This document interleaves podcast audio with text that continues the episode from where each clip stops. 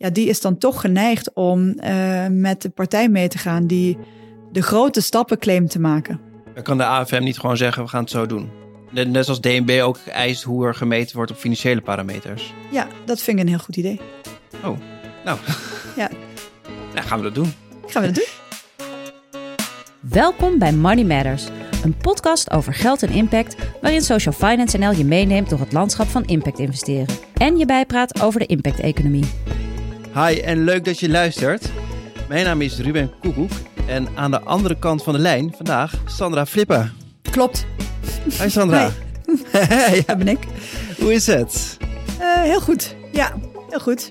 De luisteraar kent jou al van podcast nummer 4 in het begin van de coronacrisis. Dat is een tijdje geleden, Ruben. Ja, en toen is jouw kat aangevallen tijdens de podcast. Dus ik was heel benieuwd, hoe gaat het met haar? Ja, dat was Suus uh, inderdaad. Die was hier net, uh, toen we deze opname begonnen, zat ze, zat ze naast me. Dus is uh, goed hersteld.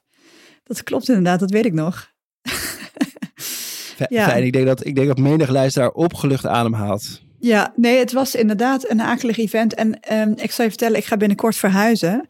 En um, ja, het, het goede nieuws is dat de kat daar niet meer zal worden aangevallen in de binnentuin door alle veel grotere, sterkere katten. Het slechte nieuws is dat ze geen tuin meer heeft.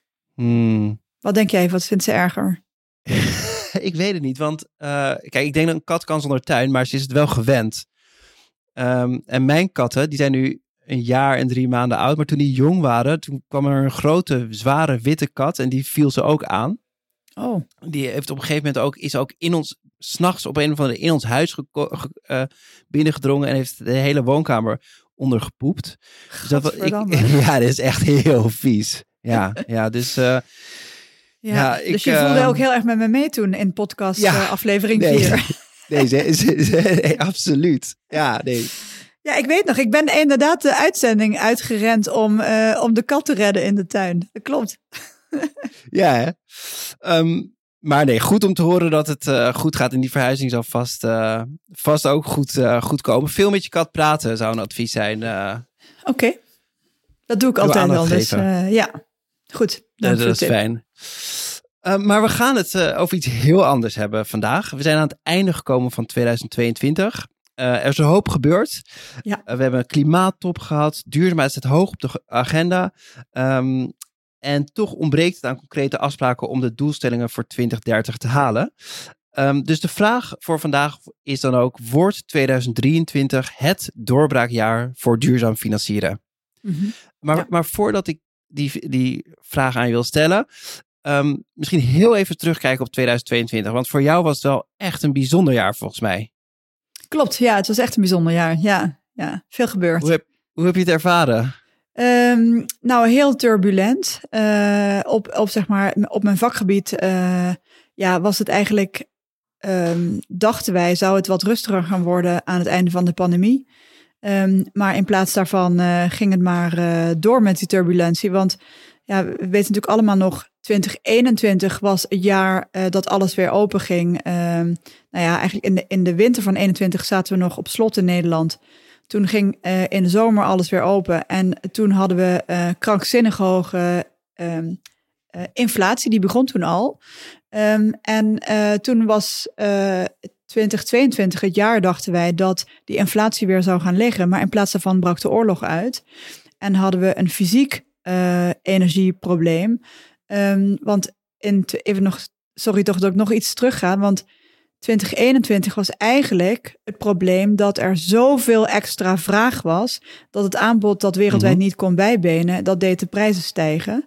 En in 2022 uh, kwam daar bovenop dat het aanbod van uh, ja, eigenlijk onze belangrijkste brandstof, energie, wegviel um, voor een groot deel. En uh, dat dreef de prijzen nog veel verder op. Dus dat was eigenlijk afgelopen jaar um, energiecrisis, uh, uh, was alles bepalend. En voor klimaat had ik eigenlijk, um, nou ben ik aan de ene kant positief verrast, aan de andere kant ook wel negatief verrast. Want positief was volgens mij wel dat ja, die energieprijzen, dat is eigenlijk natuurlijk een mega carbon tax. En Ja. eh, veel hoger dan, dan iemand zou adviseren die, eh, die, die goed bij zijn hoofd is, zeg maar. Dus, ehm, maar het heeft wel tot de prikkels geleid, omdat er enorm energie is bespaard. Hè, en en eh, in, in de eurozone is wel ja, tussen de, afhankelijk van per land, tussen de 20 en de 40 procent gas bespaard door huishoudens. En Nederland ging het echt wel richting de 35, 40. Ja. En ehm, in, eh, in de industrie is er ook bizarre dingen gebeurd. Want de industrie heeft zo'n 20% eh gas kunnen besparen eh, zonder noemenswaardig productieverlies. Dus dat is de grote, Dus dat is de grote wel. winst. Ja, wat dat, kijk, dat, dat is goed nieuws in ieder geval voor ehm, ja, de, de kans dat de industrie komt stil te liggen grootschalig. Ehm, het is niet per se goed nieuws voor het klimaat, omdat ehm, het lijkt er voorzichtig op dat, dat er toch ook heel veel ehm, switch is gemaakt van gas naar vervuilendere brandstoffen in plaats van alleen maar naar Ja. schonere brandstoffen. En dat is natuurlijk gewoon slecht nieuws. En het wordt natuurlijk ook heel lucratief om de voorraden die in de grond zitten eruit te halen. Dat klopt. En je ziet ook, eh, toevallig vandaag stond in de krant dat ABP, eh, terwijl zij aan het afscheid nemen waren van, eh, van oliebeleggingen, zijn ze toch erbij gaan kopen. Ja, en ja, je kunt je voorstellen dat, dat daar komt, komt toch wel de belangenafweging in het nauw tussen de mogelijkheid om veel geld te verdienen met, met oliebeleggingen in, in, in die tijd. Terwijl ehm, eh, wat, wat de, de gepensioneerde ehm, bij het ABP natuurlijk eh, heel prettig vindt voor de indexering van zijn pensioen. Ehm, maar wat tegen de afspraken ingaat van eh, die ze zelf hebben gemaakt over het uitstappen eh, uit eh, oliebeleggingen.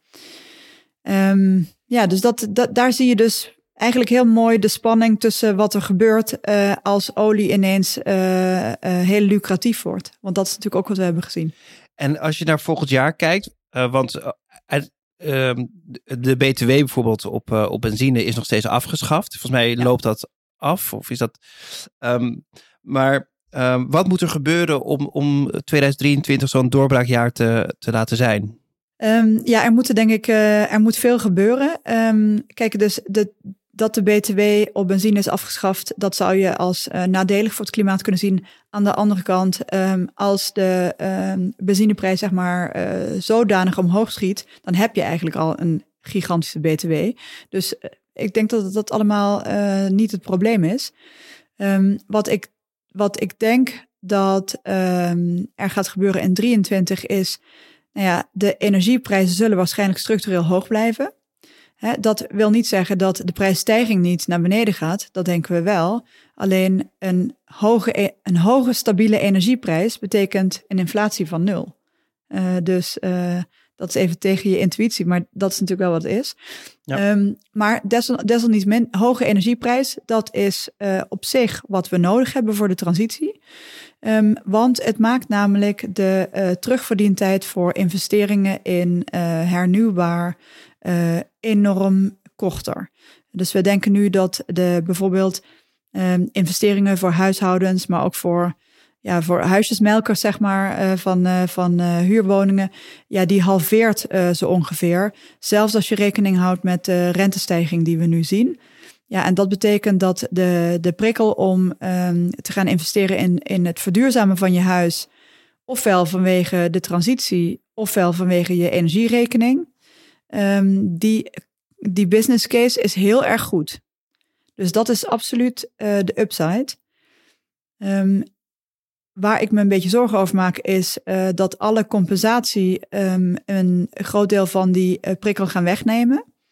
En die compensatie is heel erg nodig voor mensen met eh, lage inkomens en lage energielabels. Maar hij is heel erg onnodig voor hoge inkomens met, lage, met hoge energielabels. Ehm, en ja, die, die onderverdeling in de compensatiemiddelen, die, die wordt niet voldoende gemaakt. En de- dat, maakt mij, dat baart mij wel zorgen. Want juist die mensen met, eh, nou goed, de mensen met een hoog energielabel, die hoeven natuurlijk die investering niet meer te doen. Maar juist de hoge inkomens met slechte energielabels, ja, die, daarvan wil je nu dat ze hun spaargeld en hun vermogen gaan inzetten om die, om die draai te maken. En eh, dat moet wel, eh, die prikkel moet wel levend blijven, want anders ja, anders missen we deze kans. En daar maak ik me zorgen over. Ja. Um, nou, we hebben het gehad over het uh, klimaatprobleem. Nou, je hebt natuurlijk aangegeven dat dat misschien wel je allergrootste drive is in het uh, werk om daar iets voor te betekenen. maar we hebben nu ook de biodiversiteit top in, in Montreal. en er worden afspraken gemaakt om de biodiversiteit te redden. En ik las dat er een astronomisch bedrag van 670 miljard nodig was om te investeren in in nature-based solutions. Dus oplossingen om, nou, om te investeren in biodiversiteit en zo ook de natuur te, te herstellen en ook het klimaat te herstellen. Ehm, heb, je, heb jij daar vertrouwen in? Zie je, zie je dat ook als zo'n grote crisis? En, en denk je dat, dat, dat er gewerkt wordt aan een oplossing? Nou, ik denk dat het zeker een uh, grote crisis is. Ik, um, ik moet wel zeggen, dus biodiversiteit is niet, uh, niet echt mijn vakgebied, zeg maar. Dus ik, ik ik weet er eigenlijk niet meer dan de, dan de krantenlezer van. Um, maar als ik kijk naar de prioritisering, dan denk ik dat uh, uh, CO2-reductie al een heel lastig uh, te tackelen issue is. Ik denk dat de aandacht en de bereidheid om het portemonnee te trekken voor biodiversiteit jammer genoeg nog een stukje lager ligt. Um, dus ik heb ja. niet per se heel veel vertrouwen dat dat nou enorme vaart gaat krijgen. Maar um, nou ja, A, ik weet er misschien te weinig van, dus dat zou kunnen dat ik ernaast zit. Um, maar B, uh, er zijn ook spillovers tussen um, de klimaatplannen en de biodiversiteit. Want precies nature-based solutions zijn eigenlijk vaak een oplossing voor allebei. En um, ja, en, en, en, en daarbij wat je, wat je ziet is dat de markt voor carbon offsetting, ehm, ja, die zit vol met problemen, maar dat is wel een gro groot, snel groeiende markt. Dus er komt daar wel geld beschikbaar voor nature-based solutions, denk ik. Uh, daar ben ik wel positief over. Het probleem is alleen nu dat als je de carbon offsets uh, die er worden uitgekeerd allemaal bij elkaar optelt, dan ja, dan is het geloof ik meer dan er ooit is uitgestoten. Dus uh, iets klopt niet in de berekening duidelijk. En, en wat mij ook wel opviel het afgelopen jaar, is dat er ook wel een terugslag kwam van de uh, van ESG-investing of impactfondsen. Um, dus aan de ene kant werden er uh, best wel wat financiële instellingen uh, op hun vingers getikt of ze echt wel zo groen waren dat ze, dat ze zeiden. Ja. Um, en aan de andere kant zie je ook wel de, bijvoorbeeld BlackRock, die uh, eerst in een brief altijd aangaf dat ze uh, de CEO's vragen om te verduurzamen. En dat ze eigenlijk nu een stap terugzetten en zeggen van rendement is eigenlijk, financieel rendement moet leidend zijn. Um, ga, gaat dat zich doorzetten? Uh, of, of, of, is dit tijdelijk dat, dat er vraagtekens worden gezet bij, uh, bij de ESG-trend? Ja, dat is een goede. Ik denk um, een paar dingen. Dus het eerste is volgens mij dat, um, dat de het steeds meer zal gaan schuren in de komende jaren. Um, tussen, um, zeg maar, um, duurzame uitspraken doen uh, van private partijen of financiële instellingen. En erop afgerekend worden. En wat dat betekent voor uh, financiële prestaties. Dat, uh, dat maakt dus dat het is niet, het is veel minder vrijblijvend om, uh, om, om nu dit soort stellingen uh, in te nemen. Want er komen ook steeds meer rechtszaken en, um, en die dwingen elke belofte ook in toenemende mate af. Dus um, dat maakt denk ik dat veel partijen minder enthousiast zijn over het doen van dat soort uitspraken. Dat hoeft niet per se slecht nieuws te zijn, want um, kijk, als die uitspraken toch meer voor de bühne waren dan ze uh, zouden worden omgezet in actie, ja, dan, dan was de wereld er ook niet veel meer opgeschoten. Um, tegelijkertijd vind ik wel dat um, de, uh, de, zeg maar, en, de, en de maatschappelijk, het maatschappelijk veld ook te weinig heeft gedaan om zelf het kaf van het koren te scheiden in termen van impactmeting. Dus uh, er wordt nog steeds massaal uh, uh, worden er certificaten en weet ik wat allemaal afgegeven op basis van voor- en nameting. Maar um, om een voorbeeld, een voorbeeld te geven, als, um, als, ik tien, woon, als ik in tien woningen ga investeren um, naar, van, een energie G naar een energie A-label. en, en ik meet zeg maar de vermeden eh, emissies die zeg maar niet worden opgestookt uh, aan, aan warmte uh, door die investering, dan noem ik dat mijn impact. Maar um, de vraag is eigenlijk of in die, in die jaren waarin die verbouwing zeg maar, van GNA plaatsvond, of er niet ook gewoon um, overheidsregulering is gekomen die bijvoorbeeld uh, allesbehalve een energie-A-label heeft verboden. Ja, en dan kun je wel zeggen, ja, mijn investering heeft deze impact gehad. Maar zonder die investering was die verandering er ook gekomen. Dus um, om een echt goede impact te meten, moet je uh, eigenlijk ja, um, jouw investering vergelijken met een groep woningen die in diezelfde periode, onder dezelfde omstandigheden, uh, misschien ook wel verduurzaamd zijn um, door bijvoorbeeld de overheidsregulering. En de toegevoegde waarde die je dan hebt geleverd met jouw investering, ten opzichte van die groep die je zeg maar niet hebt, uh, waar je niet hebt in geïnvesteerd, ja, dat meten, dat is echte impactmeting. En kijk, uh, dan doe je het goed. Dan zou je dat greenwashing veel minder hebben. Het probleem is alleen, dan zal de uh, genoten impact al snel lager uitvallen. Hij valt zelden hoger uit. Maar dat op zich, als je. Ik denk wat je als consument wil, is dat je de impact kan vergelijken met, met andere fondsen of andere financiële producten. Ja. Waar je tussen kan kiezen. Dus in principe is het dan niet eerder dat het belangrijk is dat iedereen gewoon dezelfde methodiek gebruikt, zodat je dat kan vergelijken, dan dat je um, een hoog of laag impactgetal hebt? Dat klopt. Dus in een, in een perfecte wereld waarin iedereen die methodiek gebruikt, zou het probleem er gewoon niet zijn. Want dan gaat alles zeg maar even een treetje naar beneden, maar is de vergelijking uh, nog steeds even waardevol of heel waardevol eigenlijk. Het probleem is alleen dat die wereldwijde standaard er zeg maar niet is. En wat je dan krijgt is dat ja, degene die het echt, uh, zeg maar, rigoureus gaan meten, ja, die, die uh, steken dan toch vaak wat bleekjes af bij degene die gewoon voor nametingen doen. Um, ja, en daar gaat dan vanuit de consument gezien, die het toch moeilijk vindt om die methodes echt met elkaar te vergelijken en de waarde te schatten, of de belegger, uh, die de tijd niet heeft om echt in de details van die meting te stappen, ja, die is dan toch geneigd om met de partij mee te gaan die de grote stappen claimt te maken. Dan kan de AFM niet gewoon zeggen, we gaan het zo doen. Net zoals DNB ook eist hoe er gemeten wordt op financiële parameters. Ja, dat vind ik een heel goed idee. Oh, nou. Ja. nou, gaan we dat doen. Gaan we dat doen. maar dat, um, um, ja, dus eigenlijk zou je zeggen van als, als er gewoon vanuit de overheid wordt gezegd van dit zijn de, de manieren waarop je impact meet en dan kan je een impactfonds um, uh, je claimen eh, dan is het voor de consument makkelijker vergelijkbaar om voor, voor een groen fonds te kiezen. Ja, en, en kijk, voor een deel, want we hebben natuurlijk de Europese taxonomie. Hè? Dat is eigenlijk al een heel mooi voorbeeld uh, waar heel veel werk in is gegaan om, om aan te wijzen wat is nou uh, groen en wat niet. Um, uh, het, het punt is natuurlijk nog wel, daarmee heb je sturing gegeven aan de vraag waar zou het geld heen moeten gaan. Maar het is nog niet opgelost. Wat is dan de impact die die euro daar heeft gehad? Maar goed, het is een, uh, zeker een hele belangrijke onderdeel van de, van de puzzel, denk ik.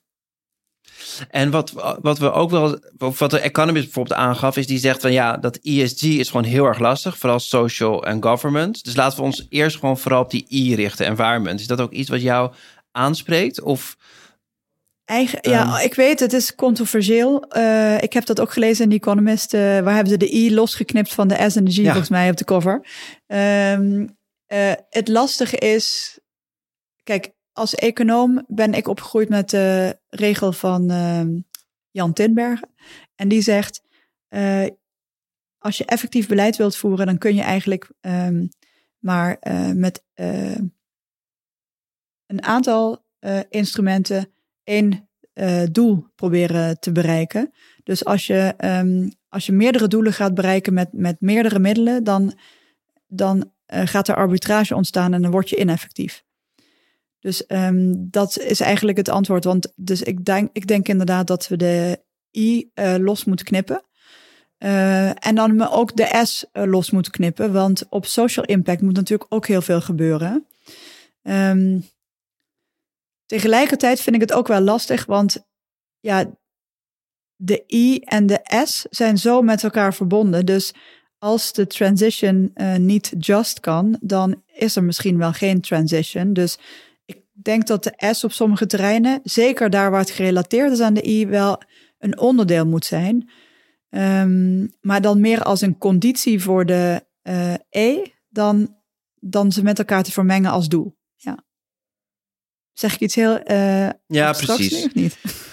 Ja. Nee, nee, nee. Dus eigenlijk, we, we moeten eh, met z'n allen de transitie maken naar een duurzame economie. En als we willen dat iedereen dat kan meemaken, dan moeten we op de, op de S, dus op sociaal, ook zorgen dat ook, uh, ja, dat ook mensen die dat die zich moeilijker kunnen aanpassen, uh, ja, nog een bestaanszekerheid hebben en, en ook in die nieuwe wereld goed kunnen functioneren. Zoiets?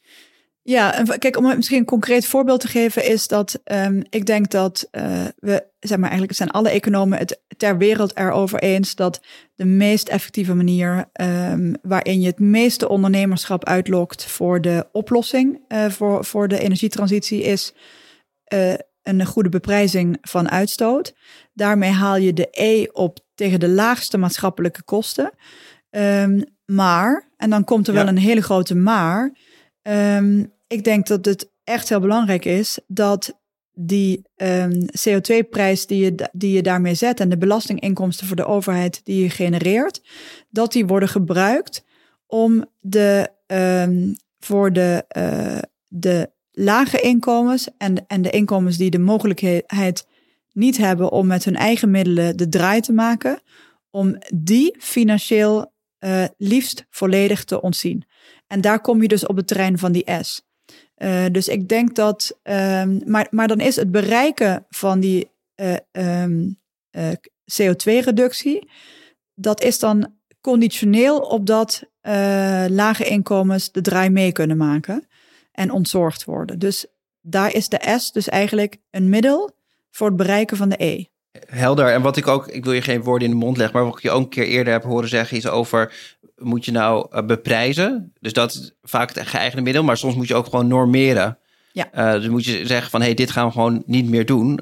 En dat, dat denk ik ook omdat je anders een situatie krijgt waar mensen met, een, met veel geld gewoon hun leven door kunnen zetten. Terwijl Juist, de ja. mensen die met minder geld... Uh, Okay. Ja, dat is heel leuk. Er is een, uh, dat dat, dat um, komt uit onderzoek van uh, het Social Economics Lab van uh, Harvard. Daar is een onderzoeker, Stanjeva. Zij heeft onder 30.000 wereldburgers eigenlijk gekeken van onder welke voorwaarden zijn mensen bereid om welk beleid te accepteren. En daar kwam uit dat er twee voorwaarden voor mensen in elk land ter wereld enorm belangrijk zijn. Is één, dat er alternatieven zijn. Dus um, inderdaad, dat je, dat je je bakkerij de oven kunt vervangen door een elektrische oven. En twee, dat uh, rijke mensen de gedragsverandering niet kunnen afkopen. Tot slot, mijn laatste vraag. Want jij wordt, dit is de laatste uh, podcast dat ik je niet meer als professor, dat ik je, dat ik je niet als professor hoef aan te spreken. Je wordt bijzonder hoogleraar duurzaam bankieren aan de Rijksuniversiteit Groningen. Uh, in die hoedanigheid, wat kan je um, als hoogleraar bijdragen om de financiële sector te verduurzamen? Wat zijn je plannen voor 2023? Ja, ik heb heel veel plannen, Ruben. Daar moeten we eigenlijk een hele eigen podcast weer over opzetten. de plannen um, van Sandra. Ja, maar ik, ik zal het uh, proberen kort te schetsen. Dus um, uh, ik wil een paar onderzoekslijnen eigenlijk uitzetten. Um, het eerste is dat ik uh, zeg maar heel erg macro wil ik de, het anderhalve graden pad voor Nederland in ieder geval uh, de macro-economische impact. daar ga ik, wil ik graag over publiceren. Um, dus zeg maar, wat kost het ons om de draai te maken versus wat kost het ons om de draai niet te maken in Nederland? Dat.